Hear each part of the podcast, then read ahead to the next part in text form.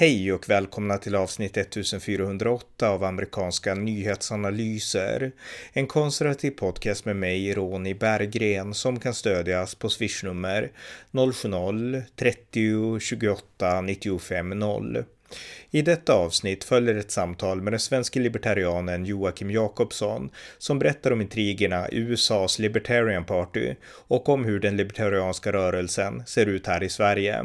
Vi kör på en gång. Varmt välkomna! Joakim Jakobsson, välkommen! Tack så mycket! Du är en svensk libertarian och vi har pratat om libertarianismen förut. Eh, och idag så tänkte jag att du skulle få berätta för oss om The Libertarian Party i USA. Det här är ett väldigt spännande parti som vill stå upp för frihet, det de menar då att den amerikanska konstitutionen representerar. Och eh, ja, du kan mycket om det här partiet, så kör hårt, berätta lite grann om, om The Libertarian Party i USA. Ja, det är då ett eh, tredje parti till det här tvåpartisystemet för ja, i teorin då libertarianer som är missnöjda med båda de här eh, demokraterna och republikanerna. Det skulle sägas att republikanerna de har ju redan en libertariansk falang i sig som är ja, ganska fungerande, lite marginaliserad men ändå mer, ändå mer etablerad än det här partiet.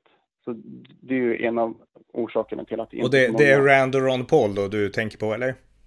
Ja, precis. De mm. har ju en Liberty Caucus och sånt som... Ja, precis. Så det finns en plattform för dem där. Uh, men uh, det finns också en del som tänker att det skulle finnas ett tredje parti. Det kan ju Problemet med det är ju att om man röstar på det partiet istället för Republikanerna så kan det innebära en seger för Eh, Demokraterna. Men det har inte bara med det att göra, varför de nu inte är så populära, utan det är ju också att många libertarianer är ganska besvikna på det här partiet, att de lever inte riktigt upp till det ideal som man kan förvänta sig. Men, men innan vi kommer in på det då, för det, de intrigerna är intressanta. Vad, vad är det för ideal som liksom den libertarianska rörelsen har och partiet också har då i teorin om inte annat? Alltså om man verkligen ska koka ner det så det är en väldigt tunn ideologi. Det finns inga självklara värderingar för om man ska vara progressiv eller konservativ utan, eller så, utan det är mer att den här libertarianismen lämnar helt öppet för varje lokalsamhälle samhälle att eh, etablera sina egna värderingar. Ju mer lokalt, desto bättre. Det enda libertarianismen egentligen handlar om, det är frihet under eget ansvar, att, om rätten att styra sitt eget liv och sin egen egendom så länge det inte drabbar någon annan. Din, din frihet slutar där min börjar. Och så, vidare. Mm. så det är väldigt tunt, så man kan lägga på väldigt mycket. Uh, ja, och det, det, bästa vore ju om Libertarian Party inte sig i sånt, utan så att det där får vara upp till varje lokalsamhälle att själva ta ställning i. Just det. Okej, okay, men då förstår jag. Frihet är liksom grunden i den libertarianska rörelsen och även vad The Libertarian Party, i, åtminstone i teorin, liksom bekänner sig till. Men det finns alltså intriger och stridigheter i det här partiet då. Och eh, kan du berätta lite om dem då? Ja, det är väldigt likartat i USA som i hela väst. Jag tänkte gå tillbaka till det lite senare. Så att, eh, men eh, nu ska vi se. Jag ska bara ta fram. Mm. Alltså det, det här partiet det är faktiskt ganska hårt kritiserat av väldigt tunga libertarianska opinionsbildare och tankesmedjor i USA såsom Mises Institute, Ron Paul Institute, LewRockwell.com, Antiwar.com och även Stefan Molyneux som är en poddare. Visserligen kanadensare men har ändå väldigt stort inflytande i USA också. De har alla aktivt tagit väldigt mycket avstånd från det här partiet, särskilt utvecklingen med tiden. Eh, Libertarian Party, de gjorde sannolikt ett ganska stort misstag när de började beskriva sig själva som socially liberal and fiscally conservative. Och då särskilt i en amerikansk kontext där liberal betyder mer vänster än vad det gör här i Sverige och i Europa. Mm. Så egentligen, libertarianismen det ska ju egentligen bara vara strikt juridiskt. Värna om icke-aggressionsprincipen. Att inte initiera ag aggression eller övergrepp mot andra så som vi anser att staten ofta gör. Och libertarianismen ska inte växa upp var och en om vilka sociala eller kulturella värderingar de ska ha. På samma sätt som jag inte heller ska växa upp progressiva libertarianer om att deras livsstil är fel så att säga. Mm.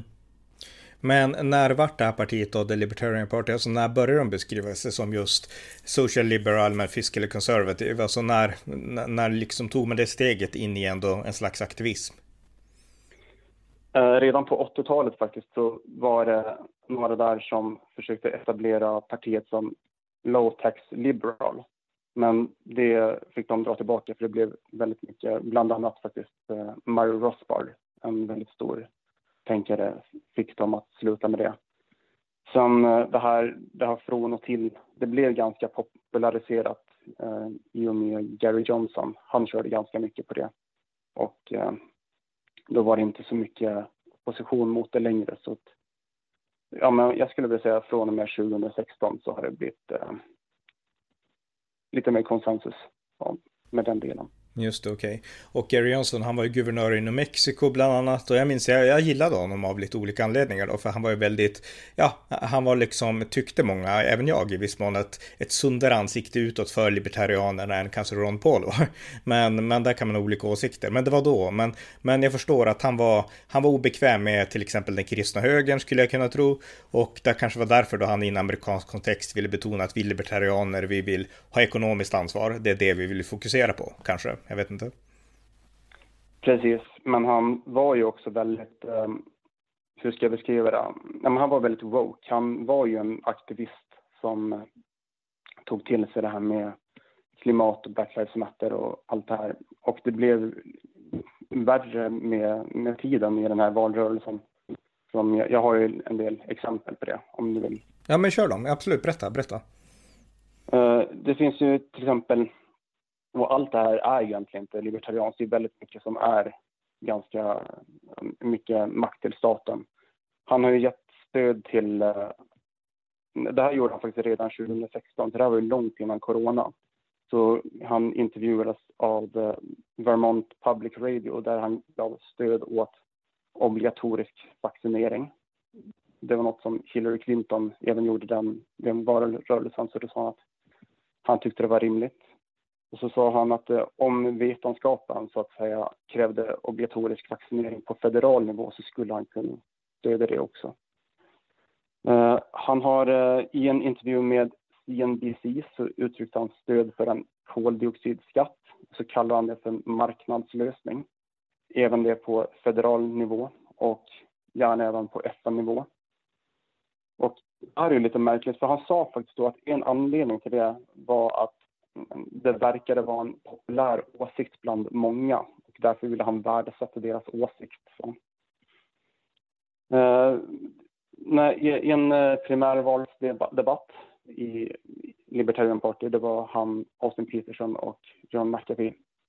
Då, eh, det, det är väldigt märkligt att han vann den här, tycker jag, men han gjorde det i alla fall och där så han, han uttryckte stöd för ett statligt eh, förbud mot diskriminering.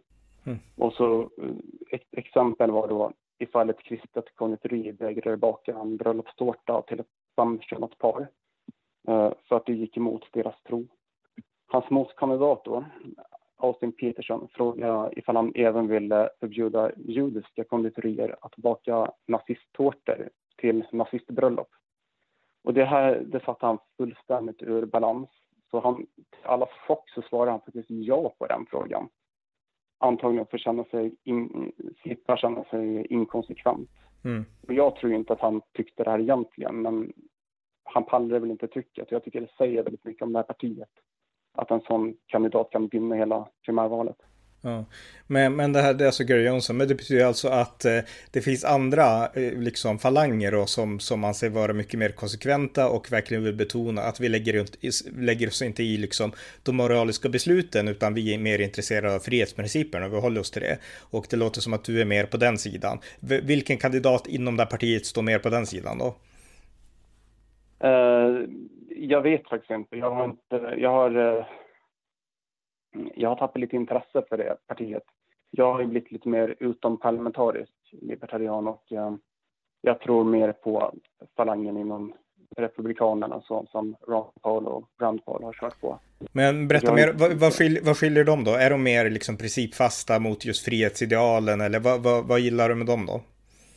Ja, jag skulle nog säga det. Och de lägger inte så mycket egna tolkningar så som jag uppfattar att Gary Johnson gjorde. Utan eh, de, är, de, är mer, de håller sig till de här principerna som jag sa, att det är upp till varje lokalsamhälle att bestämma, eller det är upp till delstater att bestämma själva. Det är inget som eh, regeringen på federal nivå ska lägga sig i. Så, att, eh, så jag tycker att Gary Johnson, han, han använder lite för mycket sina egna tolkningar på mm. de libertarianska principer vi har. Just det. Men eh, vem är, är det Gary Johnson som är partiledare nu också? Fortfarande? Nej, nej alltså han, han har aldrig varit partiledare utan han var deras presidentkandidat 2016. Okej, okay, han har inte varit partiledare. Okej, okay, vem är partiledaren då? Uh, ja, det vet jag inte heller. Det måste jag nästan kolla. Okej, uh, okej. Okay, okay. Men det kan vi, vi kan kolla det sen då. Men, men vi behöver inte prata om det just nu då. Men just det, just det. Men, men om vi återgår då till eh, Ron och Rand Paul. Alltså vad gör de mer intressanta än The Libertarian Party? Uh,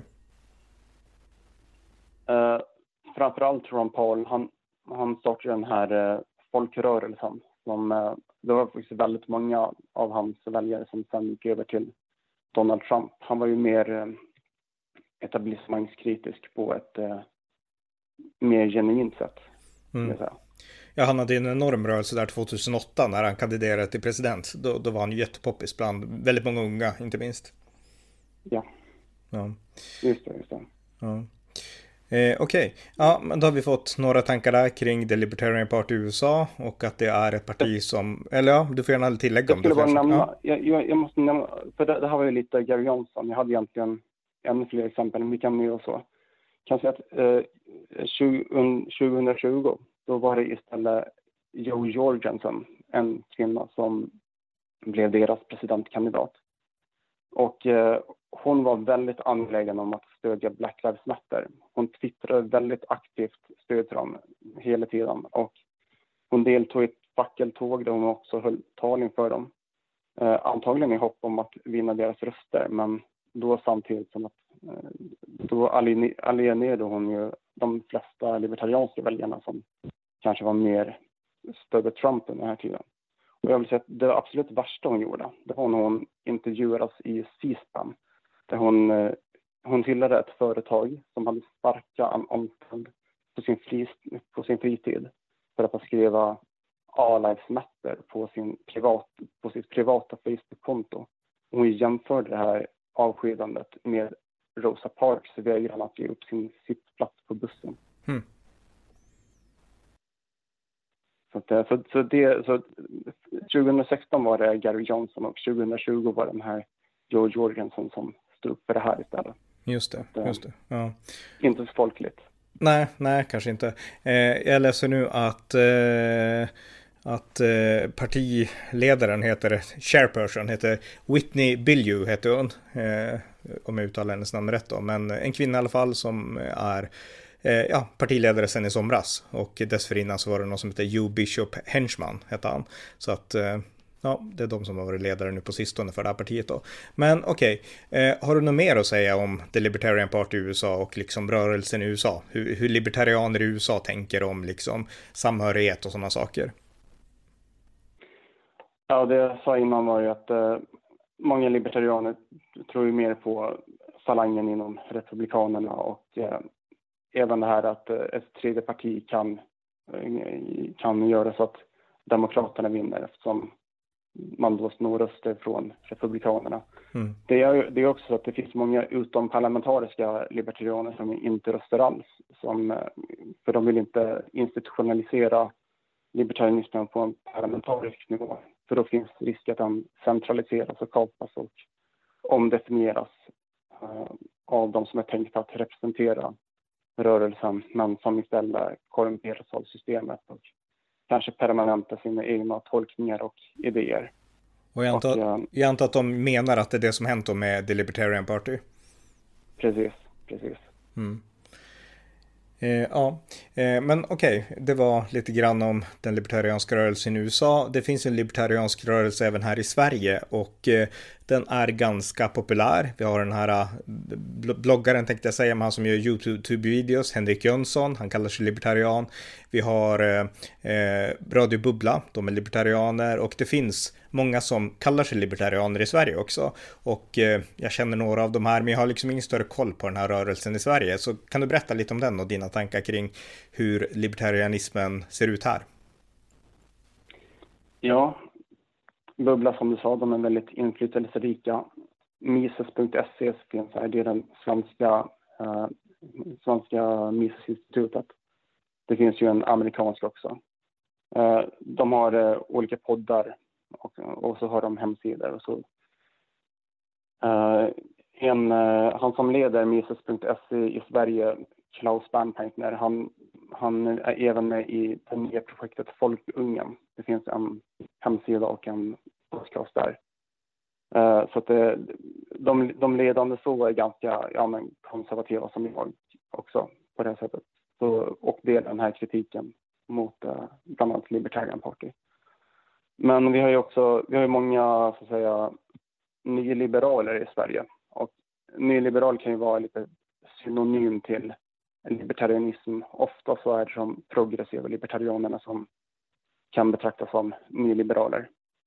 Eh, och eh, det här, jag, jag tycker det är relevant eftersom Eh, jag ser att det är sådana krafter som har kapat Libertarian Party och mm, eftersom du framförallt har en svensk publik så tänkte jag att de kanske är lite mer insatta med de nyliberaler som finns i Sverige. Mm. Vi har ju ganska mycket interna stridigheter.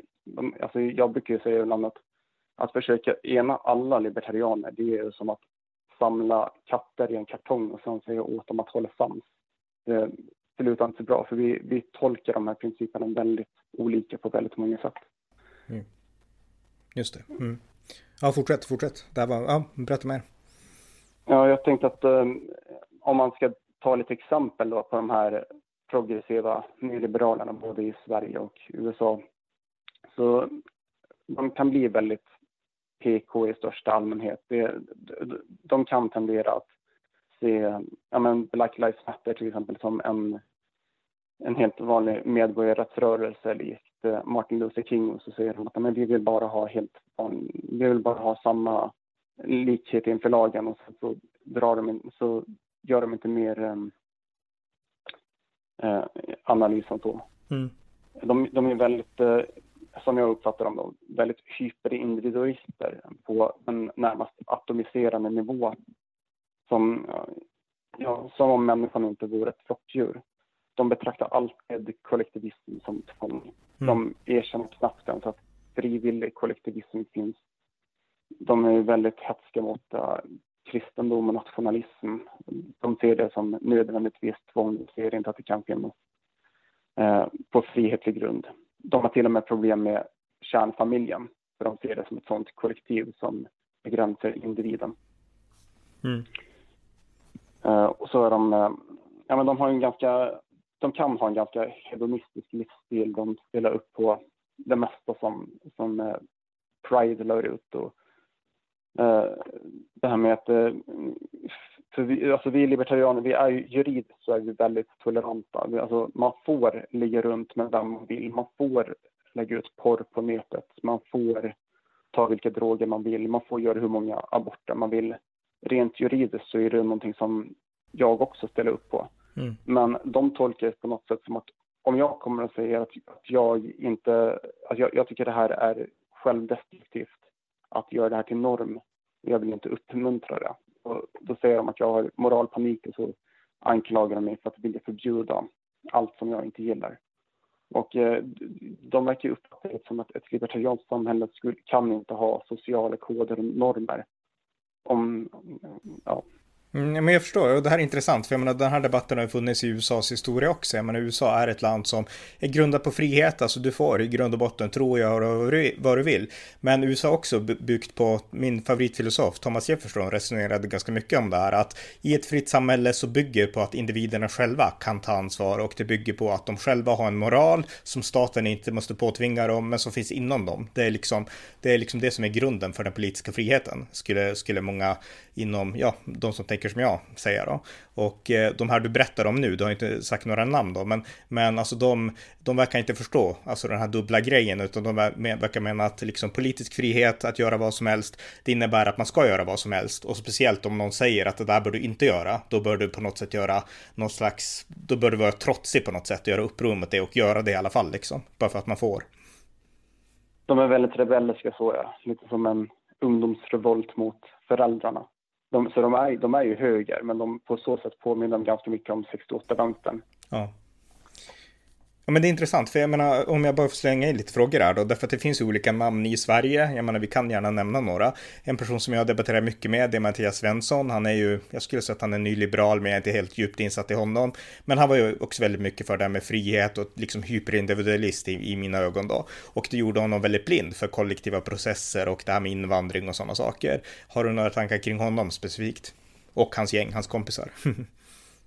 Ja, eh, Mattias Svensson, jag har träffat honom en gång på ett eh, sommarläger på, där, där på eh, Frihetsfronten. Eh, han var trevlig. Jag ska säga att jag har respekt för Mattias Svensson. Han har gjort mycket som är bra. Men han är, eh, alltså han är ju lite inne på det här.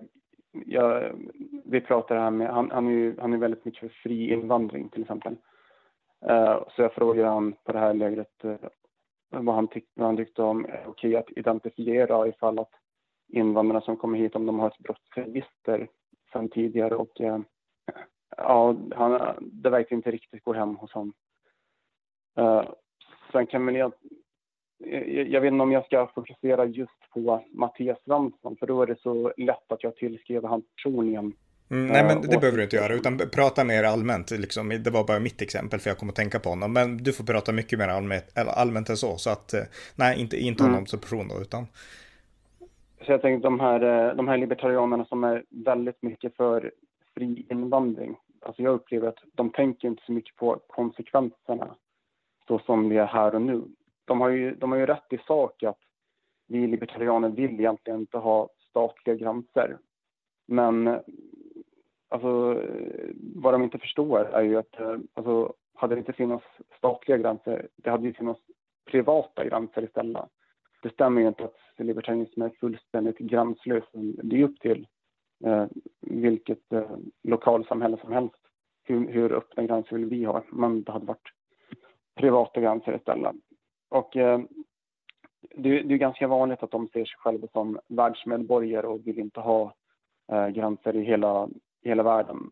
Eh, och eh, problemet är att framförallt västvärlden idag är ju full av välfärdsstater.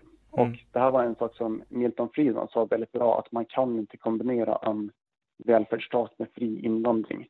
Det ena måste ge vika. Det här är någonting som vi alla i grunden är överens om och de är medvetna om det. Men jag tycker att de börjar helt fel ända. För vi konservativa libertarianer, vi vill ju avskaffa välfärdsstaten först innan vi börjar öppna gränserna. Och jag uppfattar dem lite som att det är lite tvärtom, att de har jättebråttom att upplösa gränserna här och nu. För, eh, och ja, om det då innebär att välfärdsstaten blir överbelastad av bidragsinvandring, ja men då är väl det bra, för det leder åtminstone till välfärdsstatens kollaps. Och eh, ja, det är klart, alla vi vill ha bort välfärdsstaten, men mer realistiskt vore ju att tänka ordnat och successivt på lång sikt så att det blir fullständigt kaos. Och det ser jag som en väldigt stor skillnad mellan oss. Mm. Eh, en annan person jag tänkte på det är Fredrik, Fredrik Federley från Centerpartiet. Då. Han var ju väldigt omtalad för några månader sedan och eh, jag skulle tro ändå att han betecknar sig som nyliberal eller libertarian eller någonting. Har du några tankar kring honom? Därför att han har ju verkligen levt ut det hedonistiska, om vi säger så. Det kan man lugnt säga och jag ska väl inte gå in så mycket på det här senaste. Jag, jag också, det är så många som har pratat om det. Men jag uppfattar ju, alltså, jag sa ju att jag, har, att jag har respekt för Mattias Svensson. Jag har ingen respekt för Fredrik. Jag tycker att han är fruktansvärt arrogant. Eh, och alltså, han är ju väldigt mycket som Annie Lööf på så här sättet att han pendlar väldigt mycket mellan socialliberalism och nyliberalism och eh, han pekar väldigt mycket finger mot alla invandringskritiker. Och eh, ja, men ta det här Centerpartiet i största allmänhet, alltså Annelies, eh, Fredrik Federley, de är väldigt mycket för den här gymnasieamnestin 9000 afghaner som, som skulle få ja, mm. asyl fast de inte hade asylskäl. Uh, och men, kan man inte börja då och säga att ja, men de kan ha försörjningskrav åtminstone. Men nej, då var det ännu hemskare att staten kastade ut dem ur landet tydligen. Så ja. Mm. Ja, nej precis. Nej men alltså det låter som, eh, du får gärna fortsätta berätta om det något mer du tycker att du vill säga om den svenska libertarianska rörelsen, för jag tycker det här är intressant och även Henrik Jönsson om du har några tankar kring honom. Jag kastar bara ur med namn nu som jag, som jag hört att de säger att de är libertarianer, men, eh, men du kan säkert nämna fler. Men ja, berätta mer om det finns något mer att liksom nysta i här. Ja, men Henrik Jansson, jag, jag, har, jag har respekt för honom också. Han, eh, han tar ofta upp saker som är väldigt relevanta. Men det är väl att eh, han har väl inte alltid riktigt varit konsekvent. Det, det, var, det var i någon, jag tror i någon podcast, han har fått mycket kritik för det här. Så, så sa han att han var trött på att prata om invandrares kriminalitet. Han ville bara prata om låga skatter och sånt. Och, um, det här är, han, han verkar ha vänt på det här senare, men det var så han började. Alltså att det, det, alltså jag, han är väl inte riktigt så djärv som jag skulle önska som skulle behövas. Men, eh, han, men han, han håller sig ändå till väldigt mycket som är bra och relevant. Mm. Och han, han slår ändå uppåt. Fredrik Federley, han slår ju bara neråt konstant. Men Henrik Jönsson, han, han kan tänka sig att kritisera Centerpartiet till exempel utan problem. Mm. Ja, några fler tankar? Annars har jag lite, lite andra frågor också här. Ja, jag tänkte väl kanske ta lite fler eh, exempel på ja, men vad, som, vad som skiljer oss inom rörelsen.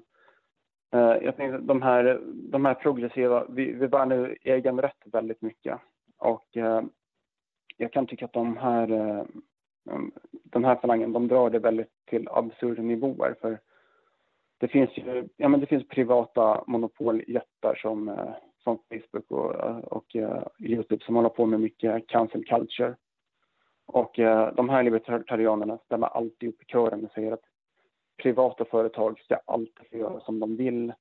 Och om då jag kommer att kritisera företagen för den här cancel culture, då, då anklagar de mig för att inte stå upp för egenrätten. Och jag vet inte, det känns som att egenrätt för dem är frihet från kritik eller jag vet inte vad. Alltså det finns till och med banker som har stängt av privatpersoners bankkonton bland annat av politiska skäl. Som Fria Tiders chefredaktör Vidar Nord, han, han var ju med om det.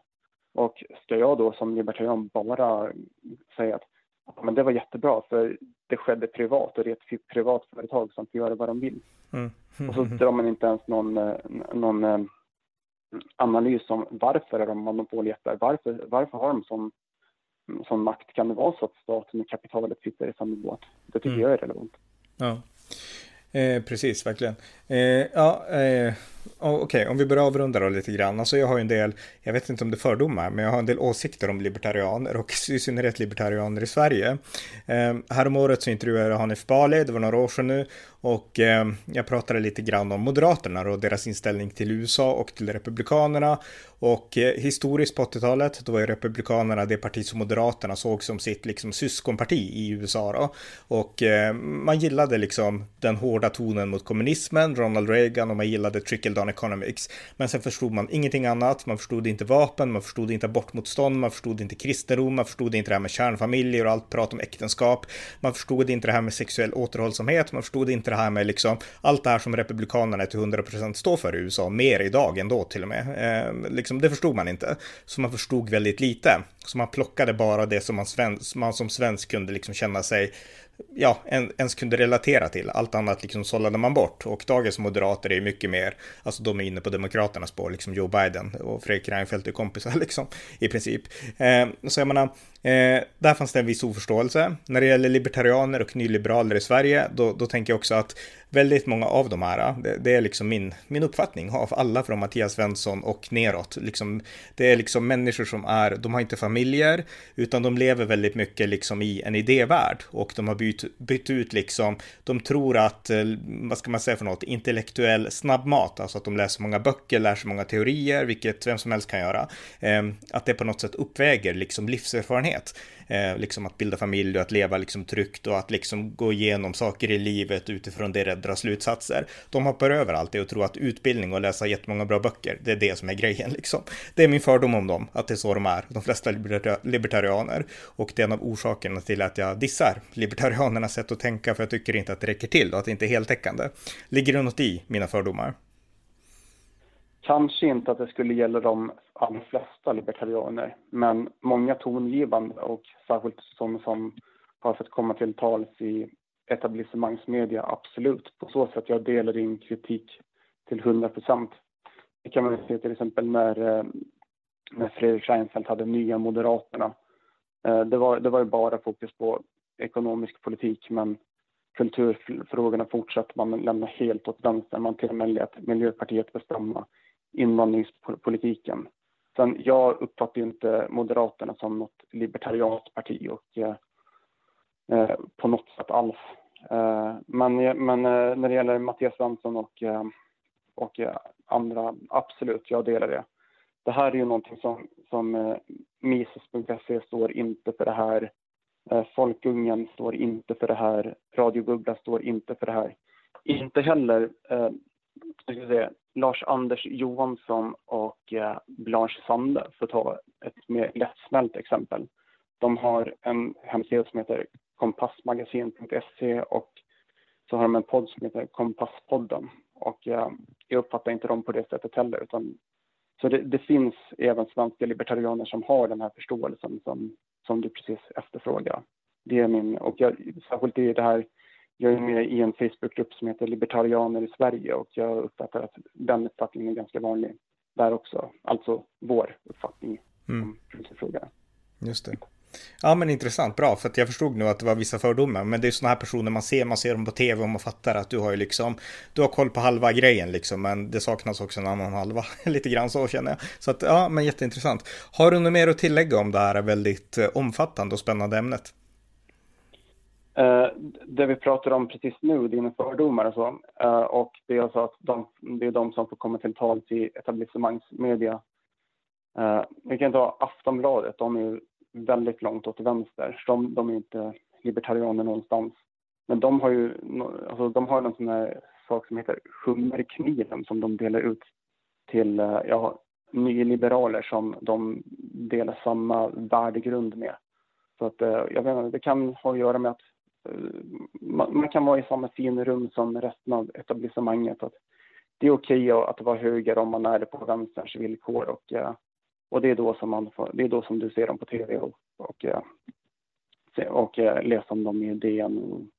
Ja, det, det, är väl, det är väl min uppfattning om, om varför det är så. Att det är de som får komma till tals väldigt mycket. Ja, men, men de pla, pla, Ja, precis. Ja. men du, du får vara på tv, du får gärna vara för låga skatter om du kompenserar det med att vara för fri invandring till exempel. Ja, precis. precis. Mm.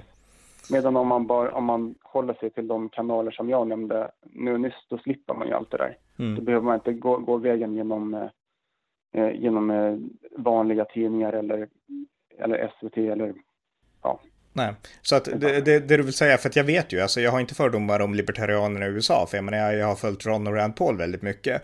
Eh, båda två är emot aborter till exempel, det är inte någon fråga jag brinner för, men de är bara för att dra som exempel, men de vill ändå se frihet och de är, de är ganska värdekonservativa, speciellt Rand Paul tror jag, han är kristen och sådär, och eh, de är väldigt vettiga personer, framförallt i mitt fall då. Rand Paul, pappan tycker jag är lite snurrig när det gäller krig och sådana saker då, men, men liksom Rand Paul tycker jag är relativt vettig, så att eh, han gillar jag, och eh, han han är ju en sån här person som man vet, du är libertarian, du har dina principer och du är en jättebra person och vettig människa liksom. Men eh, det finns sådana i Sverige också alltså.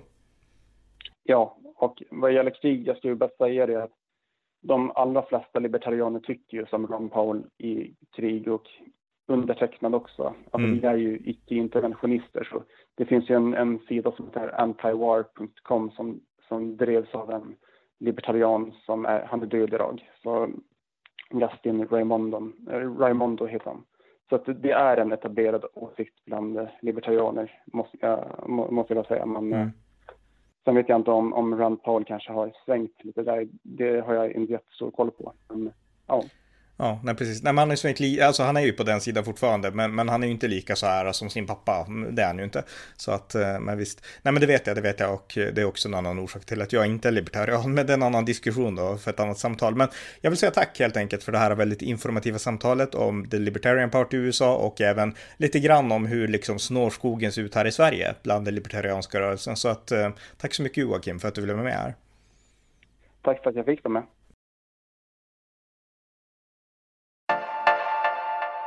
Det var avsnitt 1408 av amerikanska nyhetsanalyser. En konservativ podcast om amerikansk politik som kan stödjas på swishnummer 070-30 28 95 0 eller genom att via hemsidan stödja på Paypal, Patreon eller bankkonto.